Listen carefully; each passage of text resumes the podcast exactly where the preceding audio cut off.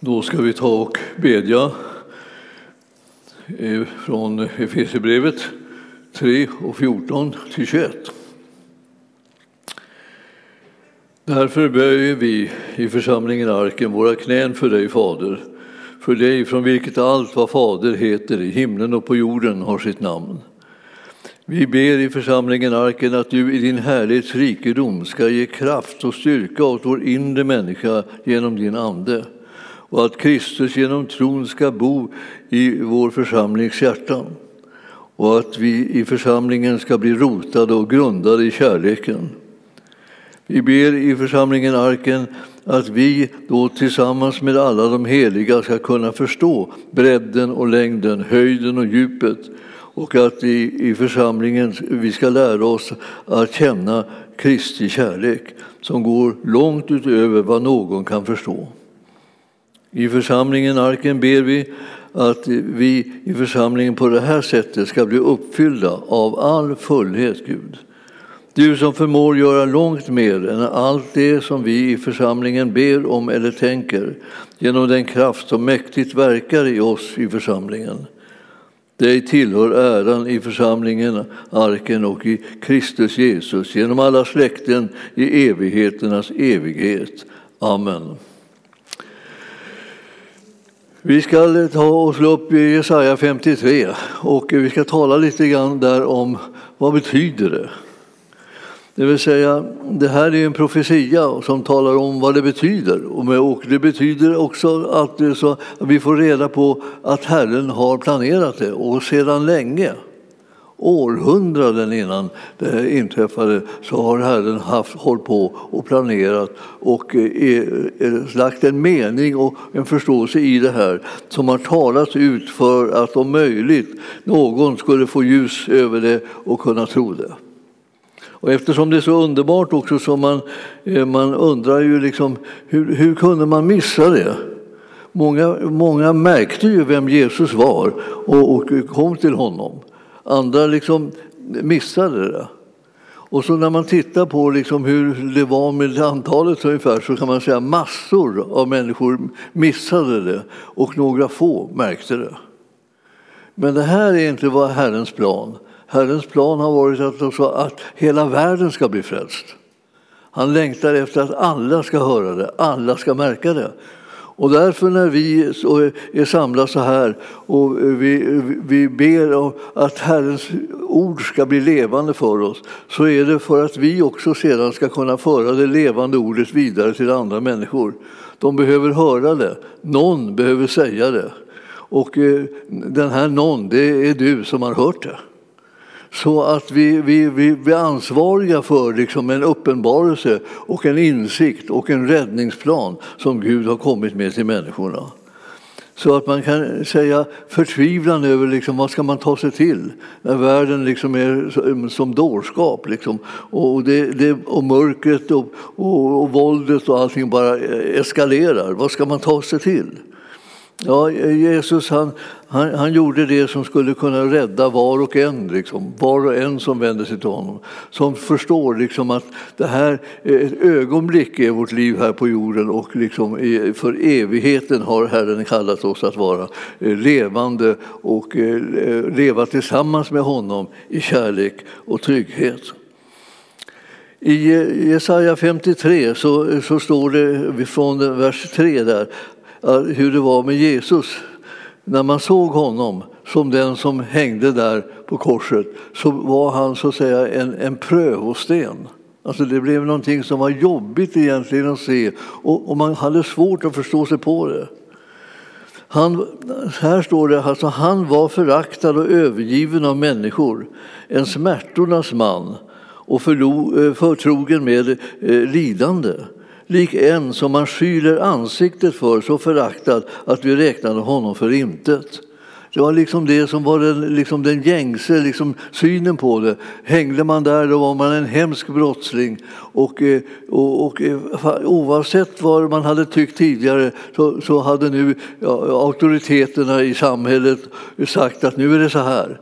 Och då var det det som man, som man stod där och tittade och tyckte sig se att här var han korsfäst och han var en ynkedom och han var bedrövelse och han var bara utskämd inför allt folket och han var plågad och eh, då började man räkna honom för ingenting. Vi behöver inte ta någon hänsyn till honom, vi behöver inte räkna med honom i våra liv. Men då visade det sig att det fanns en annan typ av förklaring och betydelse för det liv som Jesus hade levt och den död som han nu dog.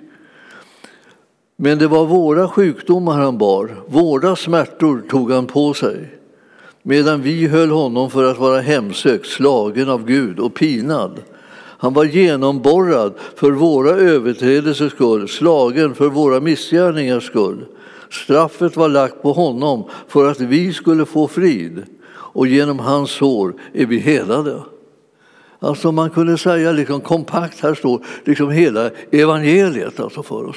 Och man kunde också säga, vad är det vi tror av evangeliet? Ja, det, det, är ju, ja, vi försöker väl tro evangeliet då.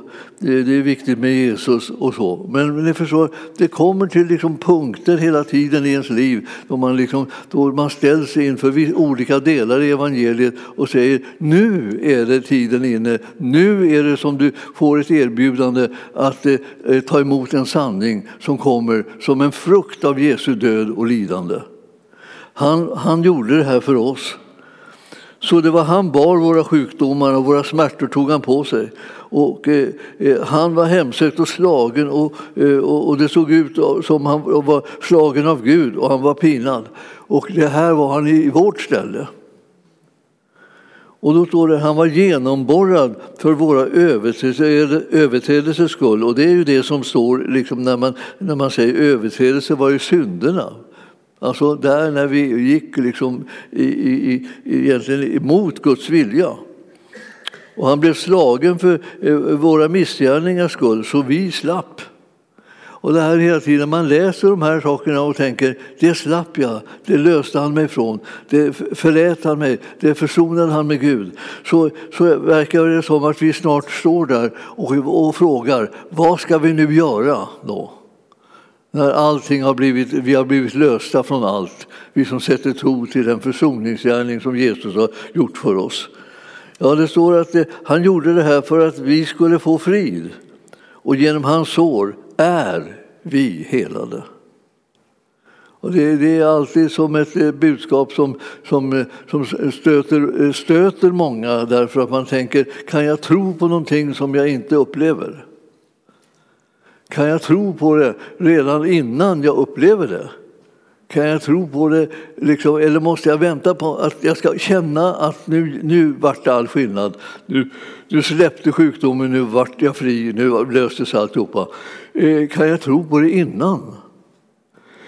Ja, vi, vi, tror, vi tror inte för, för de saker som, som sker, utan vi tror för att saker ska ske.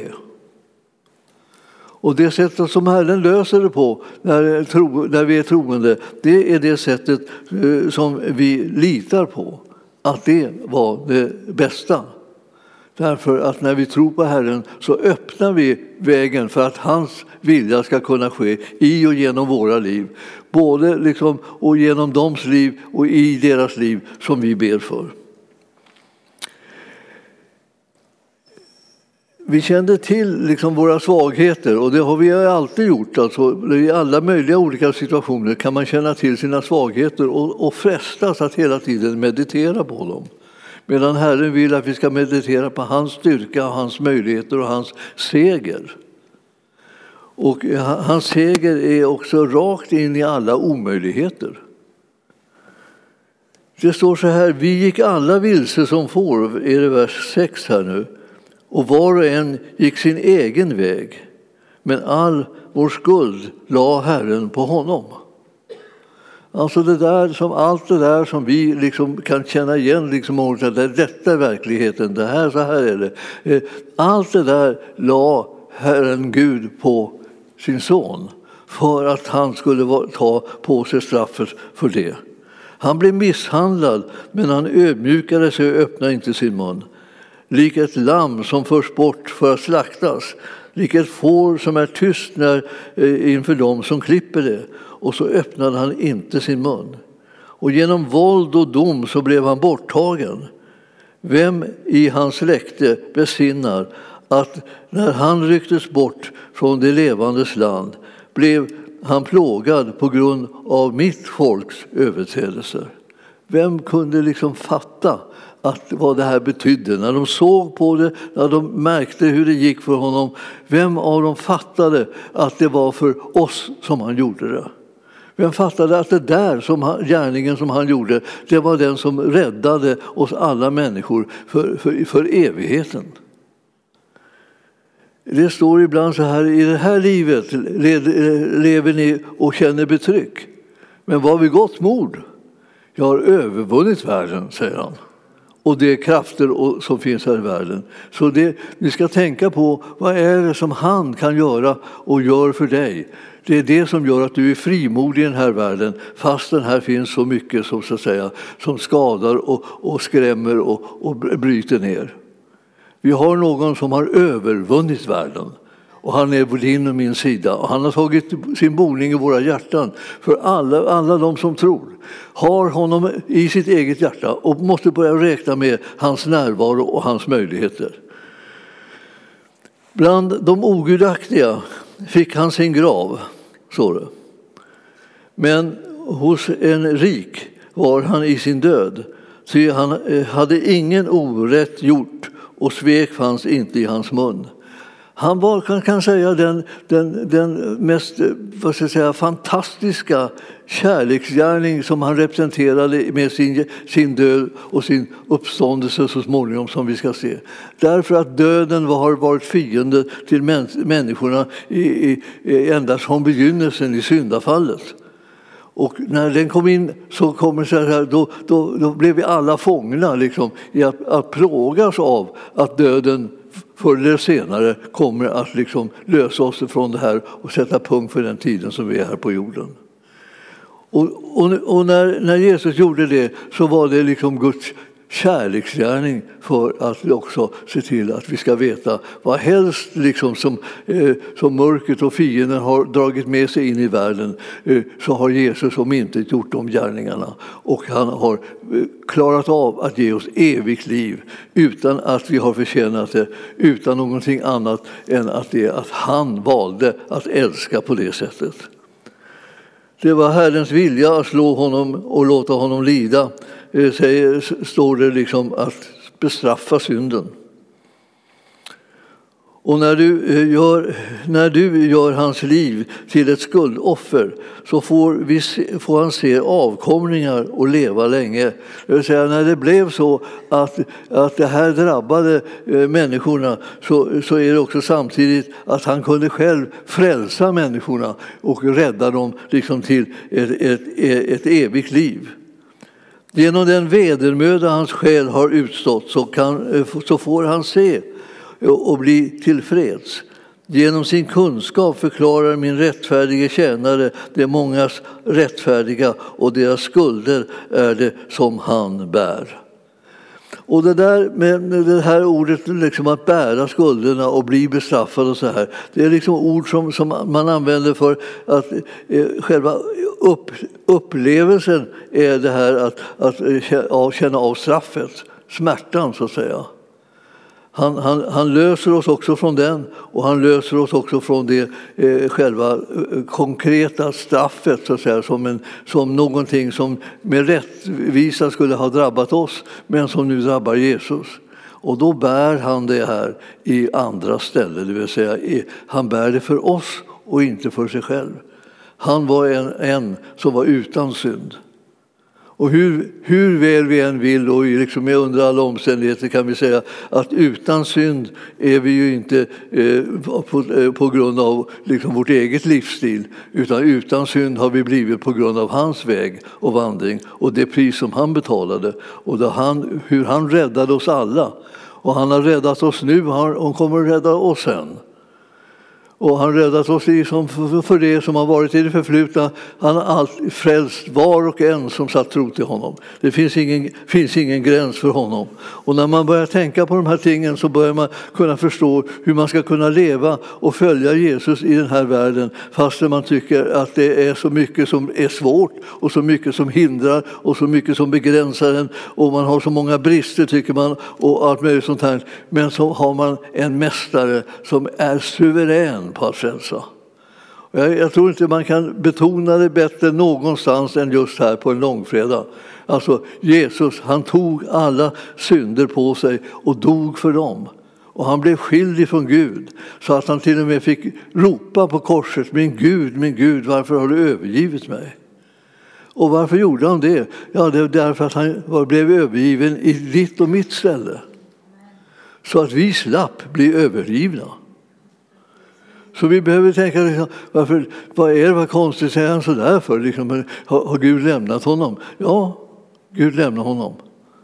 I den stunden då han gav sitt liv så att säga, som offer, tog på sig straffet och eh, blev skild ifrån Gud så att han, så att han var, som det kom ett, ett förtvivlan över honom mitt i den här stunden då innan han kom fram till den då han slapp liksom jordelivet och smärtan för hela mänskligheten som han bar. Ja, det, är, det är hela tiden egentligen för stort och märkligt att kunna förstå. Men vi tackar honom för det och vi vill förvalta pundet. Alltså hans kärleksgärning för oss och hans räddning till oss är ett pund som du och jag ska förvalta. Vi ska leva så, så som om och så som det är, att det här är sanning. Det här är verkligheten. Och det är med tanke på det som du och jag har ett liv att leva. Och, vi har, vi, och det är långt eller det är kort, det har inte eh, betydelse utan det som har betydelse är att det är för att han har räddat oss så att vi kan leva ett liv som är inte en frukt av våra begränsningar och hur vi hankar oss fram utan är en frukt av hans seger. Då det är alltid möjligt för den som tror. Jag känner ibland att det här ordet kommer tillbaka, kommer tillbaka. Allt är möjligt för den som tror. Och det låter, så, det låter nästan så omöjligt och så befängt. Så att eh, det, man kan ju säga det att strunt i det. För vad säger det, är, det är inte här för att liksom, å, å, hålla med allting som hela tiden säger. Det, det Herren säger betyder ingenting, det går inte, det kan man inte. Det, det ser, man ser hur det blir och man har så. Men du står där och förvaltar ett pund att leva som en som har kunnat eh, nås av den frälsning som har räddat dig undan döden. Den enda död som är, som, som är riktigt viktig. Det är ingen som räddas undan liksom döden som innebär ett slut på jordelivet. Men allihopa eh, som tror kan räddas undan döden för, som har att göra med evig död och får av evigt liv istället. Det är, det är en sak som kan frigöra människor till att våga vara Jesus representanter i den här världen. Och du och jag är kallade att vara så, hans representanter. Vi är inte kallade att vara fega, eller oroliga eller osäkra på saker. Vi är, vi är kallade att vara vissa om att vi har nu vunnit en seger därför att Jesus vann den. Och han vann den för oss och saken är liksom redan klar och över, så att säga. Så att nu, nu väntar han på att du ska sätta tro till det så att du vågar leva som du har blivit kallad i den här världen. Det finns ingen vinning liksom, att gå och tänka att ja, ja, ja, jag har ju försökt, jag har försökt och det blir inget bra och det, det blir bara så här och det, det, blir det ena och det andra. Som man, det, som man stoppar på sig av minnen liksom, av, av sånt som är smärtsamt och, och, och, och, och eh, hejdar en hela tiden. Men Herren säger, stoppa på dig minnet av vad jag har gjort för dig. Och liksom fyll ditt inre med det, fyll dina tankar eh, och låt dina gärningar liksom eh, visa att du tror på det som han har gjort för dig. Han har, han har försonat dig med Gud. Han har räddat dig undan döden. Och det är, det är det som är varje kristen så att säga, arv, arv att vara räddad undan döden. Så när han, profetiska ordet kommer här så är det ju ett ord som jag vet inte hur de som hörde det första gången här när, när, när Jesaja profeterade, vad i all världen tänkte de? Ja, de tänkte nog lika förvirrat liksom som människor gör än idag. Vad är det här? Vad handlar det om? Jag förstår inte vad det är frågan om. Liksom och, så. och så tänker man så här, det, det är någon konstig, konstig sak det här. Någon, någon slags tröst som någon har hittat på. Någon fanatiker. Religiös fanatiker kanske till och med. Ja, de såg ju liksom någon helt annan person eh, eh, med, Jesus och de kände sig bara utmanade och hotade av honom, hela de som hade, var makthavarna i landet. Och, och, och, Pilatus han var rädd för folktrycket, eh, vill man antyda. Han var ju inte särskilt eh, snabb att vara rädd för vad folk tyckte, kan man säga om, om Pilatus. Han var, han var en, en, en grym och kärv man. Alltså. Och han, Eh, men han, han eh, kunde inte klara av att människorna var så många och skrek korsfäst, korsfäst hela tiden. Och det var han som skulle besluta det. Och till slut så kunde han väl kanske möjligen börja tala in så här, jag struntar väl i honom, jag demonstrerar att jag struntar i honom, jag tvättar mina händer, jag har ingenting med den här mannen att göra. Ni får skylla själva, liksom, det är er sak. Fastän han fick många varningar, alltså alldeles in i det sista, att befatta inte med den mannen, ta inte ställning mot honom. Men, men det gjorde han ändå för att rädda sitt eget skinn. Och det är väldigt farligt att liksom leva bara för att rädda sitt eget skinn förstås. Det vet vi alla, men vi hoppas att vi inte gör det, att vi lever så. Men eh, det är, det är, i vissa lägen så, så känns det att det är en utmaning att våga stå för det man är och stå för den Herre man har och, och eh, liksom fortsätta att proklamera det som är hans vilja i livet och inte bara att man liksom försöker göra så att inte andra ska bli arga på en för mycket. Herren är den som älskar oss så, så att vi blir fantastiskt djärva när vi släpper in den kärleken.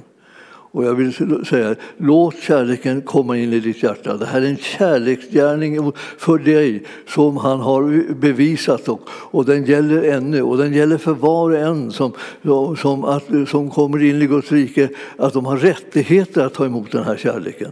Det är en kärlek som hela tiden har flödat till dem men som inte alltid blir liksom uppenbar så att de kommer fram till den punkten och säger jag kom in mitt hjärta, fyll, fyll mig med din kärlek och, och godhet så att jag vågar leva det livet som jag kallar till.